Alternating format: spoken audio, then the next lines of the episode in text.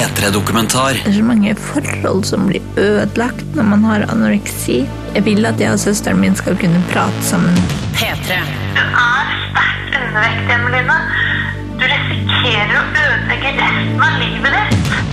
I dag er jeg kvalm. Jeg er lei meg. Jeg synes det er så vondt at ikke vi klarer å sette deg til å skjønne hva du må.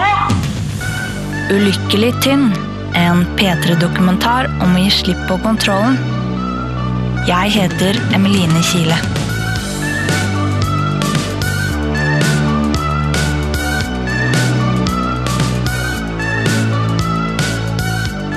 For fem år siden så møtte jeg ei jente som var blek i ansiktet. Hun hadde ringer under øynene, langt, slitt blondt hår og en radmager kropp. Det så liksom ut som at hun så vidt hang sammen. Vi møttes på Capio anoreksisenter. Hun hadde vært inn og ut av institusjonen i ti år. Sånn skulle ikke jeg bli, tenkte jeg. Jeg var jo nemlig ikke syk. Jeg måtte bare legges inn fordi jeg hadde spist litt for lite. Hvordan jeg havnet der, det vet jeg ikke. Men det jeg vet, er at de siste fem årene så har min hverdag stort sett handlet om hvor mye, eller rettere sagt hvor lite, jeg kanskje har fått i meg. Jeg har blitt som den jenta jeg møtte. Jeg trodde at det å få kontroll på maten og bli tynnere skulle gjøre meg lykkeligere. Jeg trodde folk skulle like meg bedre. Men det å konstant telle kalorier eller å få blåmerker av å ligge i senga, er ikke lykke.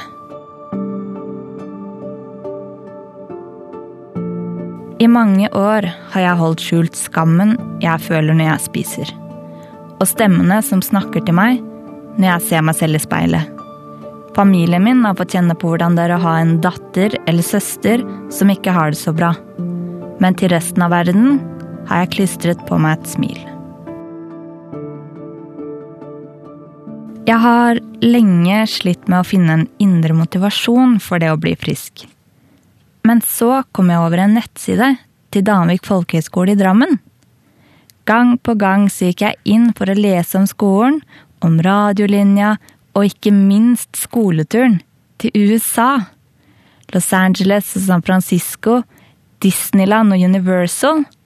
Så jeg, jeg søkte.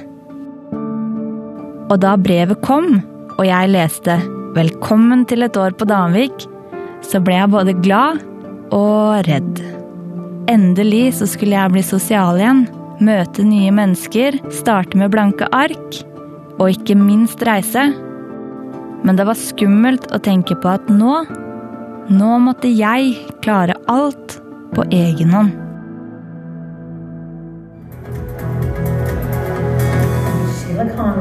I'm the casting director, producer, and a development executive. Jeg heter Vilde Bie, studerer filmproduksjon på Loyola Marymount University. 170 håpfulle og spente mennesker sitter i en samlingssal på Danvik, og vi, vi ser på en video om unge mennesker som jobber i USA.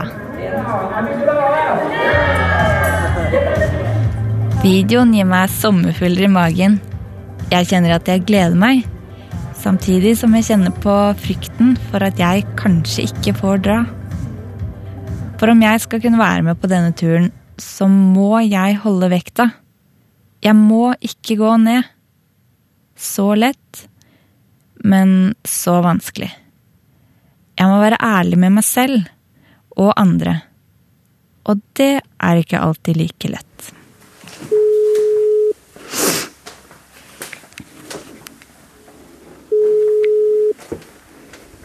Hei, mamma. Kan du love meg at du ikke blir sinna på meg? Jeg sa jo at jeg egentlig skulle dra til Capio i dag, men jeg hadde tenkt til å dra i morgen. Jeg hadde ljugd for mamma, og det var dessverre ikke første gangen. Når man har levd med sykdommen så lenge, blir man god til å ljuge. Jeg hadde sagt til henne at jeg skulle reise til Capio anoreksisenter på mandag for en kontroll. Planen var egentlig en annen. Jeg prøvde å utsette avreisen så lenge som mulig, For jeg visste nemlig at jeg hadde gått ned i vekt. Jeg, jeg, jeg er redd for å dra dit. Jeg har ikke lyst til å dra dit.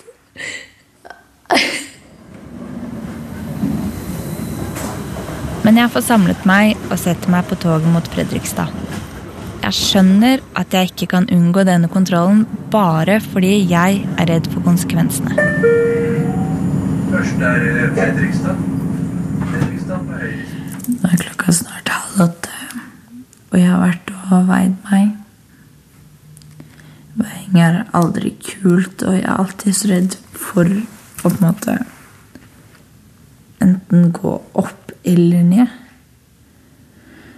Går jeg opp, så skuffer jeg på en måte anoreksien og følger ikke den og gjør ikke det den sier.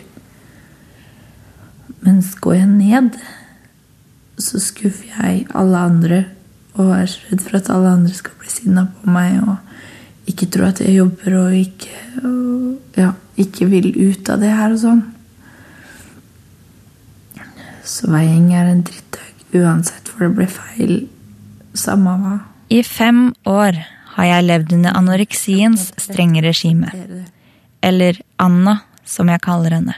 Hun lovet meg et supert liv hvis jeg bare gjorde som hun sa. Hvis jeg bare ble tynn. Og når den friske meg prøver å ta styringa, prøver å spise nok, blir Anna sinna. Hun sier at det er hvordan jeg ser ut som definerer meg. Hvordan jeg er. Mm, ja, hva skal man si? Veiinga i dag, den For det gikk jo egentlig ikke bra. Det hadde gått for langt ned. Så nå er det møte med leger og psykolog og alt sånt etterpå, så får vi se hva som skjer.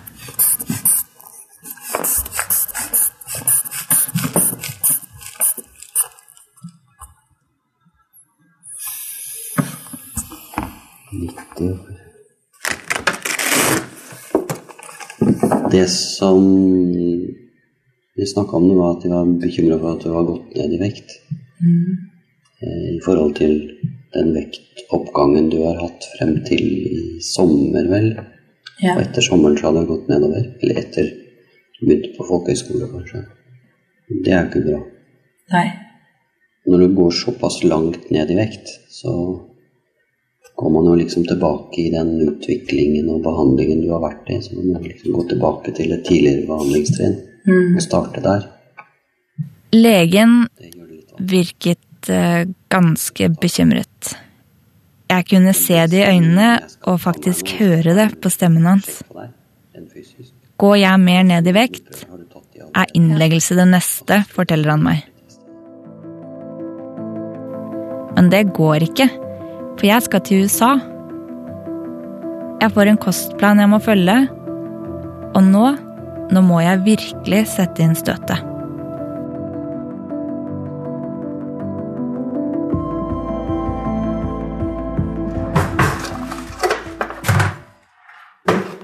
Jeg er hjemme på vinterferie, og mamma hun prøver å hjelpe meg med å spise nok.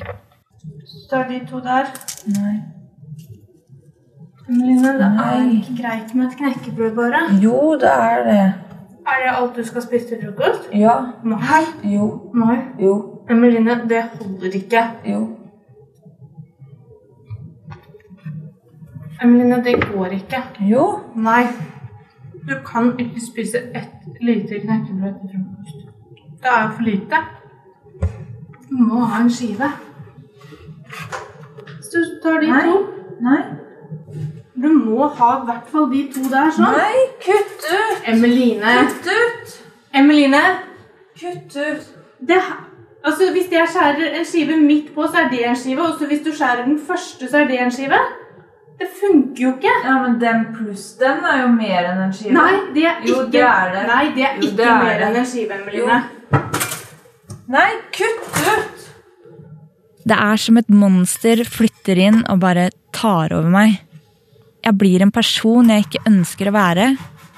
Jeg kjefter på de jeg er aller mest glad i, og blir sinna på dem, når det de egentlig prøver på, er bare å hjelpe meg. Men jeg har et ekstremt behov for kontroll. Og når mamma pusher meg, ja, da mister jeg denne kontrollen. Men du må ha det. Nei. Emeline, det holder ikke med den bitte lille skiva. Det er ikke én skive. Jo. Det er som en halv skive. Nei.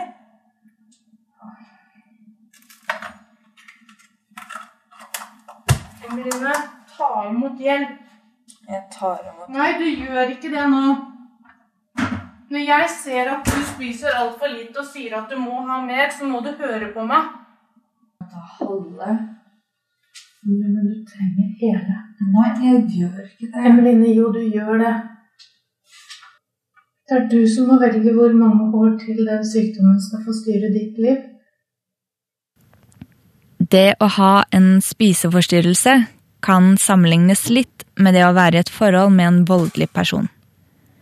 Andre forstår ikke hvorfor jeg ikke bare slutter forholdet. Familien min og ulike behandlere har utallige ganger fortalt meg at jeg må stå opp for meg selv og dra en gang for alle. En del av meg den vil på en måte dra, men den andre den holder fast. Det å dra det er liksom så skummelt, for jeg har gitt så mye av meg selv til denne ene personen. Anna, spiseforstyrrelsen. Jeg vet ikke hvem jeg er uten henne. Så er det du som tok kontroll. Bare føler at alt legger seg på magen med en gang. Emeline, Tenker jeg bare at ah, alt blir bare fett og.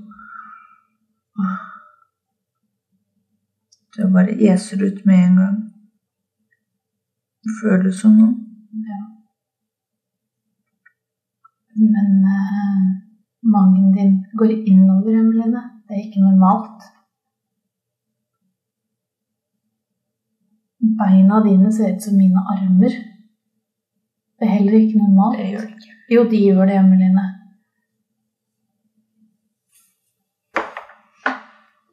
Takk for nå.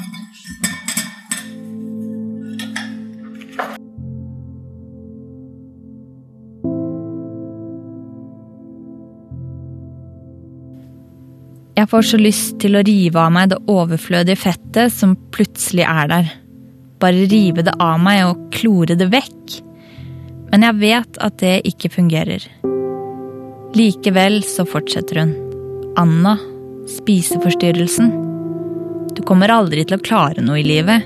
Du er patetisk. Se på deg selv. Herlighet, så tragisk. Hun roper. Men det er ikke bare meg og min kropp hun ødelegger. Hun ødelegger også mitt forhold til de jeg er aller mest glad i. Du sier at du har det vanskelig, men du vil på en måte ikke si hva det er. Nei, Nei, hvorfor vil du ikke si hva det er? Fordi jeg vil ikke såre deg. Ja, men hvorfor kan du ikke bare si 'jeg tåler det', jeg? Nei. Jo. Det sårer meg mer at du går rundt og har det vondt og ikke vil si det. Nei, men jeg har faktisk Jeg skal til psykolog. Ida Marie har jo avtale med sånn sjelesørger i Philadelphia. Som vi skal snakke med. Emeline sier jo det at når, når hun er hjemme, så Så virker det som at du helst ikke har lyst til å være sammen med Emeline. Jeg og pappa vi har jo snakka sammen, vi òg. Vi merker jo at når Emeline er hjemme, så, så er du mye mer sånn tullete Altså, det å spise med Emeline er hjemme, da blir det alltid mye mer tull. Er du sint på Emeline, så derfor så vil du ikke Kan du ikke være så snill å si hva det er? Jeg vet ikke hvordan jeg har det selv. Nei, men kan du Jeg ikke vet at det er vanskelig, ja, men jeg vet ikke hvordan. At du fòrer meg opp. At jeg fôrer Ja, du kommer alltid med mat til meg. Du lager te til meg med masse sukker i. Du kommer alltid med masse ting. Det er snilt. Men jeg vil ikke at du skal gjøre det. Men du spiser jo ikke. Sånn som i går da du kom med fanaten. Jeg hadde ikke lyst på noe mat da. Hvorfor ikke det? Fordi jeg var ikke sulten. Jeg fantes ikke sulten. Jeg snakka med pappa om det, og han sa han var ikke sulten han heller. Men vi må spise det opp fordi du kom med det. Og hvis vi ikke spiser det opp, så er det galt. For da er det enten ikke godt, eller så er det feil. Det er veldig snilt av deg. Men Ja, det er ikke den meninga at du skal føle at jeg fòrer deg opp. Nei, men Men det er sånn jeg føler det. det er jo derfor jeg også legger meg så fælt opp i det. Eller når du ikke spiser, for jeg vet liksom hvordan ting har begynt hos meg, og hvordan ting har blitt. Og jeg ønsker jo ikke at det skal skje med deg. Det skjer ikke med meg. Nei, men ah.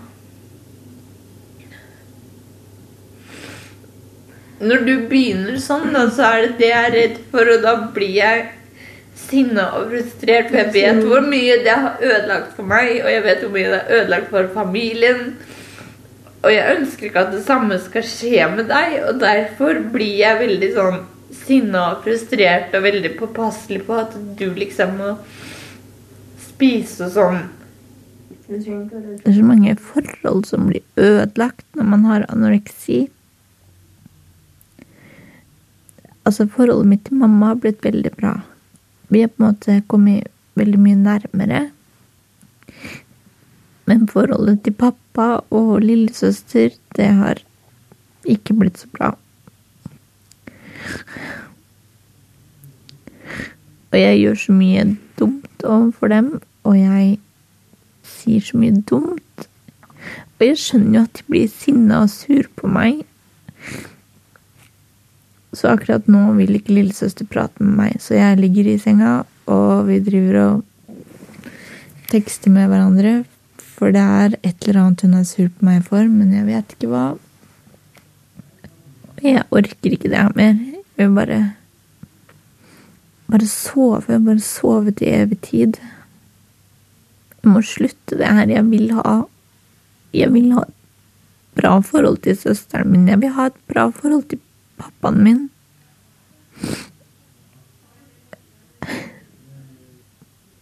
Jeg vil at jeg og søsteren min skal kunne prate sammen. Jeg vil at vi skal kunne gå på kafé og sitte og ta en kopp kakao og en muffins. At jeg ikke alltid blir den kjipsøsteren som hun er flau over, og som hun bare går og irriterer seg over og sinna på fordi det er så mye oppmerksomhet fra mamma og pappa, og alle syns liksom synd på meg, og alle glemmer henne. Ja, huet mitt dunker.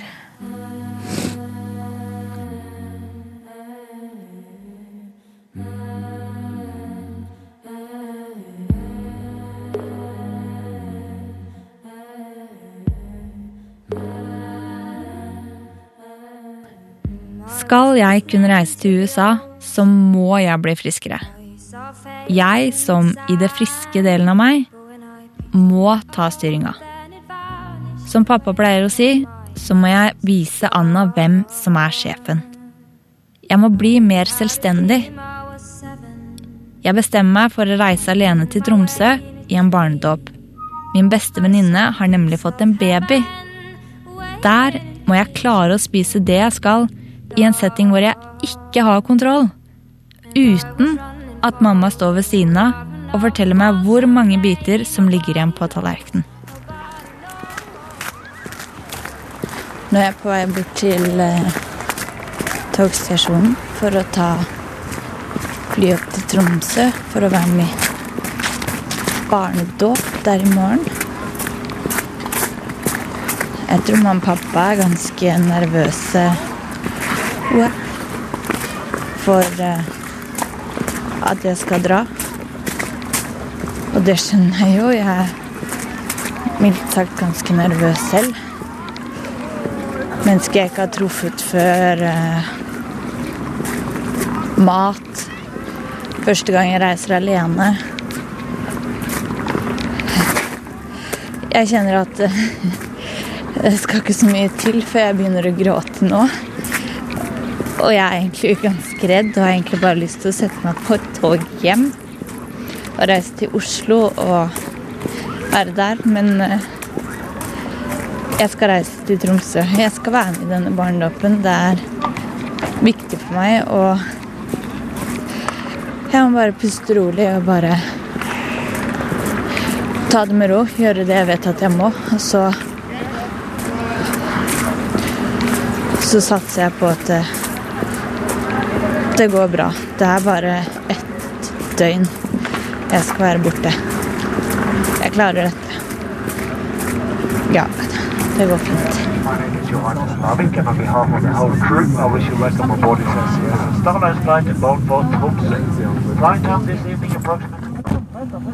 Kan vi ha på lys? Ja, i taket.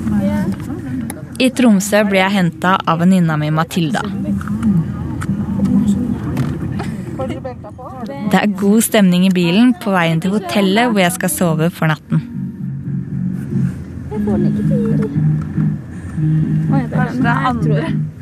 Det er skikkelig fint å endelig få gjøre noe på egen hånd. Og det er dette jeg gleder meg til å kunne gjøre mer av når jeg blir frisk. Reise og være med venner. Ha overskudd, ha energi og lyst til å gjøre ting. Og tørre å tillate meg selv å nyte mat. Turen hittil har jo gått overraskende bra. Men eh, det er i morgen den virkelige testen kommer. Det kan vi nappe. Den bruker vi. sånn. Å, det er koselig.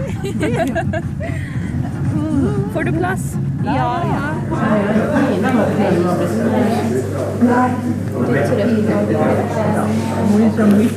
Det er dag nummer to i Tromsø, og seremonien i kirken er over, og middagen den har blitt servert. Men for min del så går ikke tingene helt etter planen.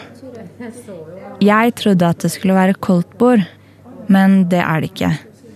De siste åra så har jeg blitt litt sånn at jeg må vite ting på forhånd for at det skal være best mulig for meg. Og hvis ting skjer for spontant, så blir jeg skikkelig satt ut og ordentlig redd. Nå har middagen vært servert, og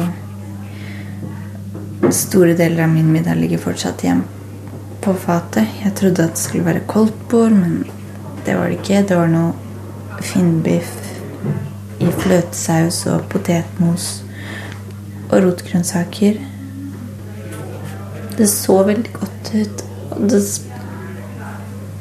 smakte sikkert kjempegodt, men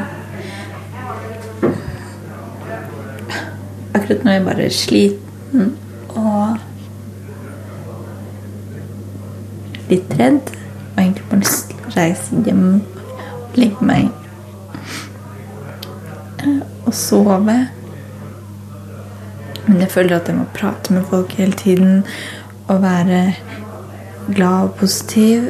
Men aller mest jeg har bare lyst til å reise tilbake til Oslo eller Drammen og bare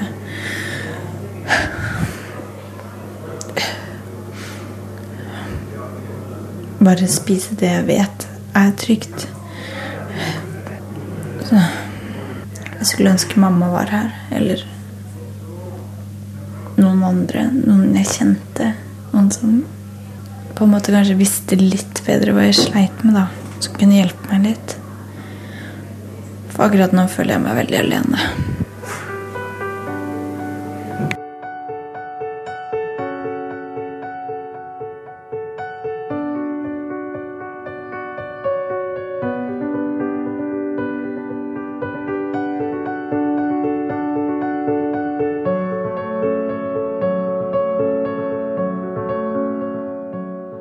Tilbake på folkehøyskolen begynner folk å planlegge USA-turen til minste detalj. På bucketlisten til meg og en kompis skriver vi rulleskøytedisko, tur til Hollywood-skiltet, basketballkamp og en hel haug med andre ting som vi har lyst til å gjøre. Det begynner å nærme seg avreise, men før det så må jeg på en ny kontroll til psykologen min.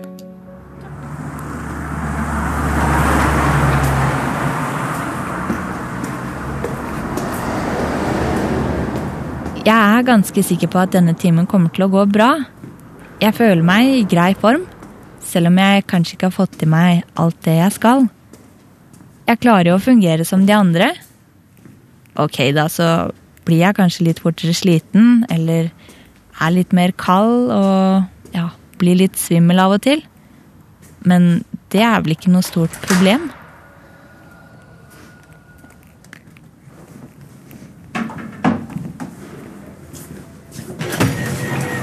Jeg time hos Hjelmen halv tre. Men jeg er tydeligvis ikke så frisk som jeg føler meg. Jeg er faktisk så dårlig at hun snakker om en ny innleggelse. Jeg ringer hun som står meg nærmest om dagen. Mamma. Jeg har Ikke lyst til å legges inn. Problemet er jo at du er veldig lav i vekt igjen. Ja. Det som skjer nå, som jeg sa til den andre dag, eller som jeg sa til deg i går også, er jo at nå begynner den sykdommen å ta fryktelig overhånd igjen. Jeg vil så gjerne få det til. Ja, det vet jeg. Altså, jeg vil veldig, veldig gjerne at du skal få det til. Jeg vet at det her er viktig for deg, men samtidig så er jo helsa di aller viktigst. Ja, jeg vet det, men Men det er, det er supervanskelig, Emeline. Du må skjønne at kroppen din er i ulage. Du må spise mye mer enn andre mennesker. Jeg skulle så gjerne ønske at du kunne skjønne det. Ikke bare si at du skjønner det, men at du kunne klare å faktisk skjønne det og ta det innover deg. Skal du klare å få et normalt liv, så må du opp i vekt. Ikke bare redusere en undervekt. Altså, du blås i hva det heter. Du må høyere opp i vekt. Du er sterkt undervektig, Emeline. Du risikerer å ødelegge resten av livet ditt. Det er ikke det at jeg ikke skjønner hva hun sier. For jeg er jo helt enig, og jeg vet at jeg trenger mat. Det er bare det at det er lettere sagt enn gjort. Og jeg rives konstant mellom følelser og fornuft. Du har lyst til å jobbe med radio. Kan vi Altså, hvis du ikke får kontroll på maten din, så, så kan det hende at du aldri kommer til å klare å jobbe i, jobbe i det hele tatt. Er det det du vil? Nei. Nei. Altså, må du Du må begynne å ta det innover deg, Emeline. At hvis ikke du får i deg mat, så ødelegger du hele livet ditt. Altså, nå det så mange år av ungdomstiden din som er ødelagt. Nå ser du hvor moro du kan ha det ved å være sammen med andre på din alder.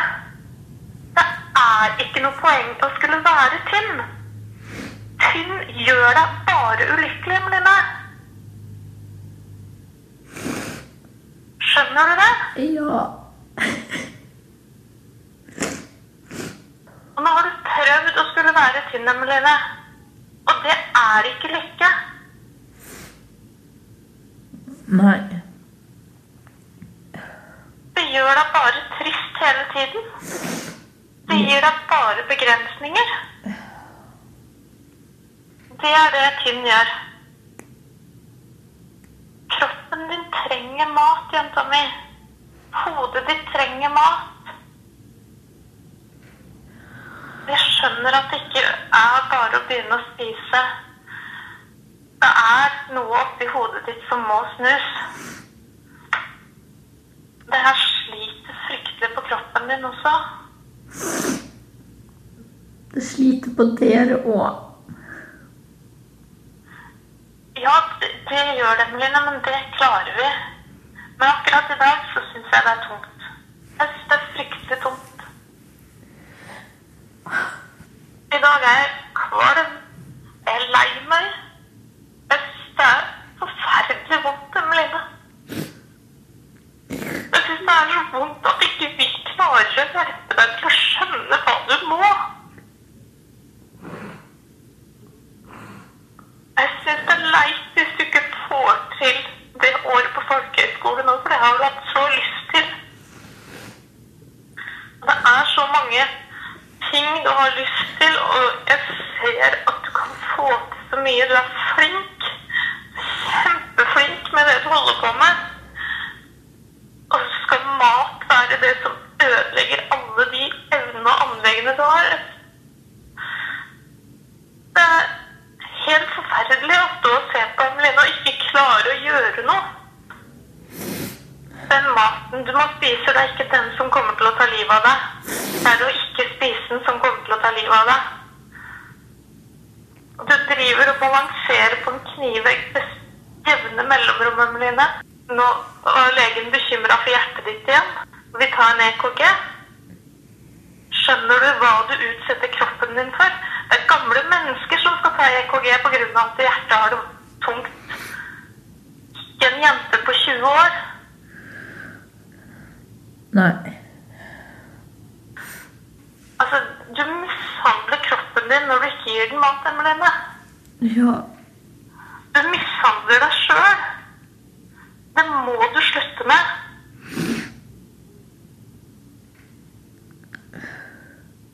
Jeg skjønner ikke hvordan man skal komme gjennom og få deg til å skjønne det selv.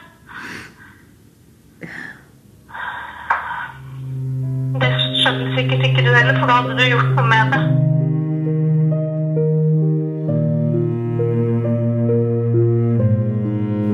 Igjen så tar Anna, spiseforstyrrelsen, kontroll. Hun har gjort meg tynn slik hun lovet, men alt det andre, den gleden og selvfølelsen, livsgnisten, alt det er helt borte. Mens vennene mine gjør seg klare til å reise, sørger Anna igjen for at jeg må observere verden gjennom et sykehusvindu bak låste dører. i dag skulle jeg egentlig reist til USA sammen med klassen. Og vært et helt annet sted enn det jeg er nå. I stedet for å reise til USA, så reiste jeg i dag til RASP. Og ble innlagt igjen. Enda en gang hvor alt på en måte går i vasken. Jeg er så lei og så sliten av at jeg ikke klarer å fullføre noen ting. Egentlig så skulle jeg som sagt vært i USA nå. Det var målet. Men det fikk jeg ikke til av denne drittsykdommen som bare ødelegger alt. I stedet for så ligger jeg igjen på sykehuset. Jeg er så lei og så sliten av alt det den ødelegger. Jeg orker ikke mer.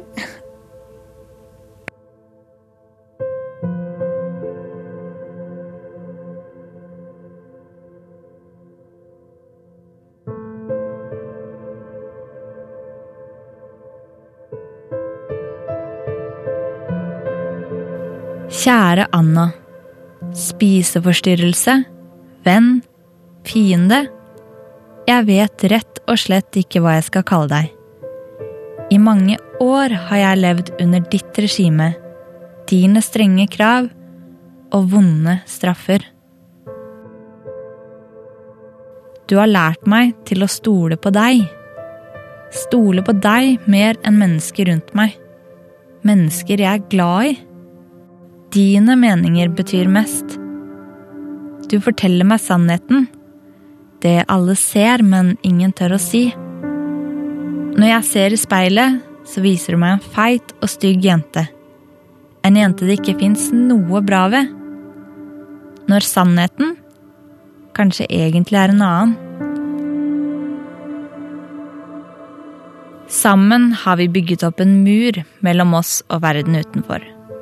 Jeg har søkt trygghet i deg, og du lovet meg et supert liv hvis jeg bare fulgte dine regler.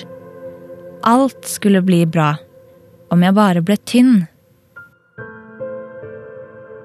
Du passet på at ingen skulle såre meg, men det du glemte å fortelle, var at du var den som kom til å såre og ødelegge meg mest. Jeg vil dessverre aldri være god nok i dine øyne. Men du har én svakhet. Du sa nemlig at hvis jeg fortalte noen om vår hemmelighet, så kom helvete til å bryte løs. Jeg har hørt på deg frem til nå. Skal jeg klare å bli frisk, så kan jeg ikke gå rundt og late som at det ikke er noen ting, og bare bagatellisere dette. Jeg heter Emeline Kile. og jeg har anoreksi. P3-dokumentar søndag klokka ni på P3. Se, les og lytt mer om denne historien når du vil på p3.no.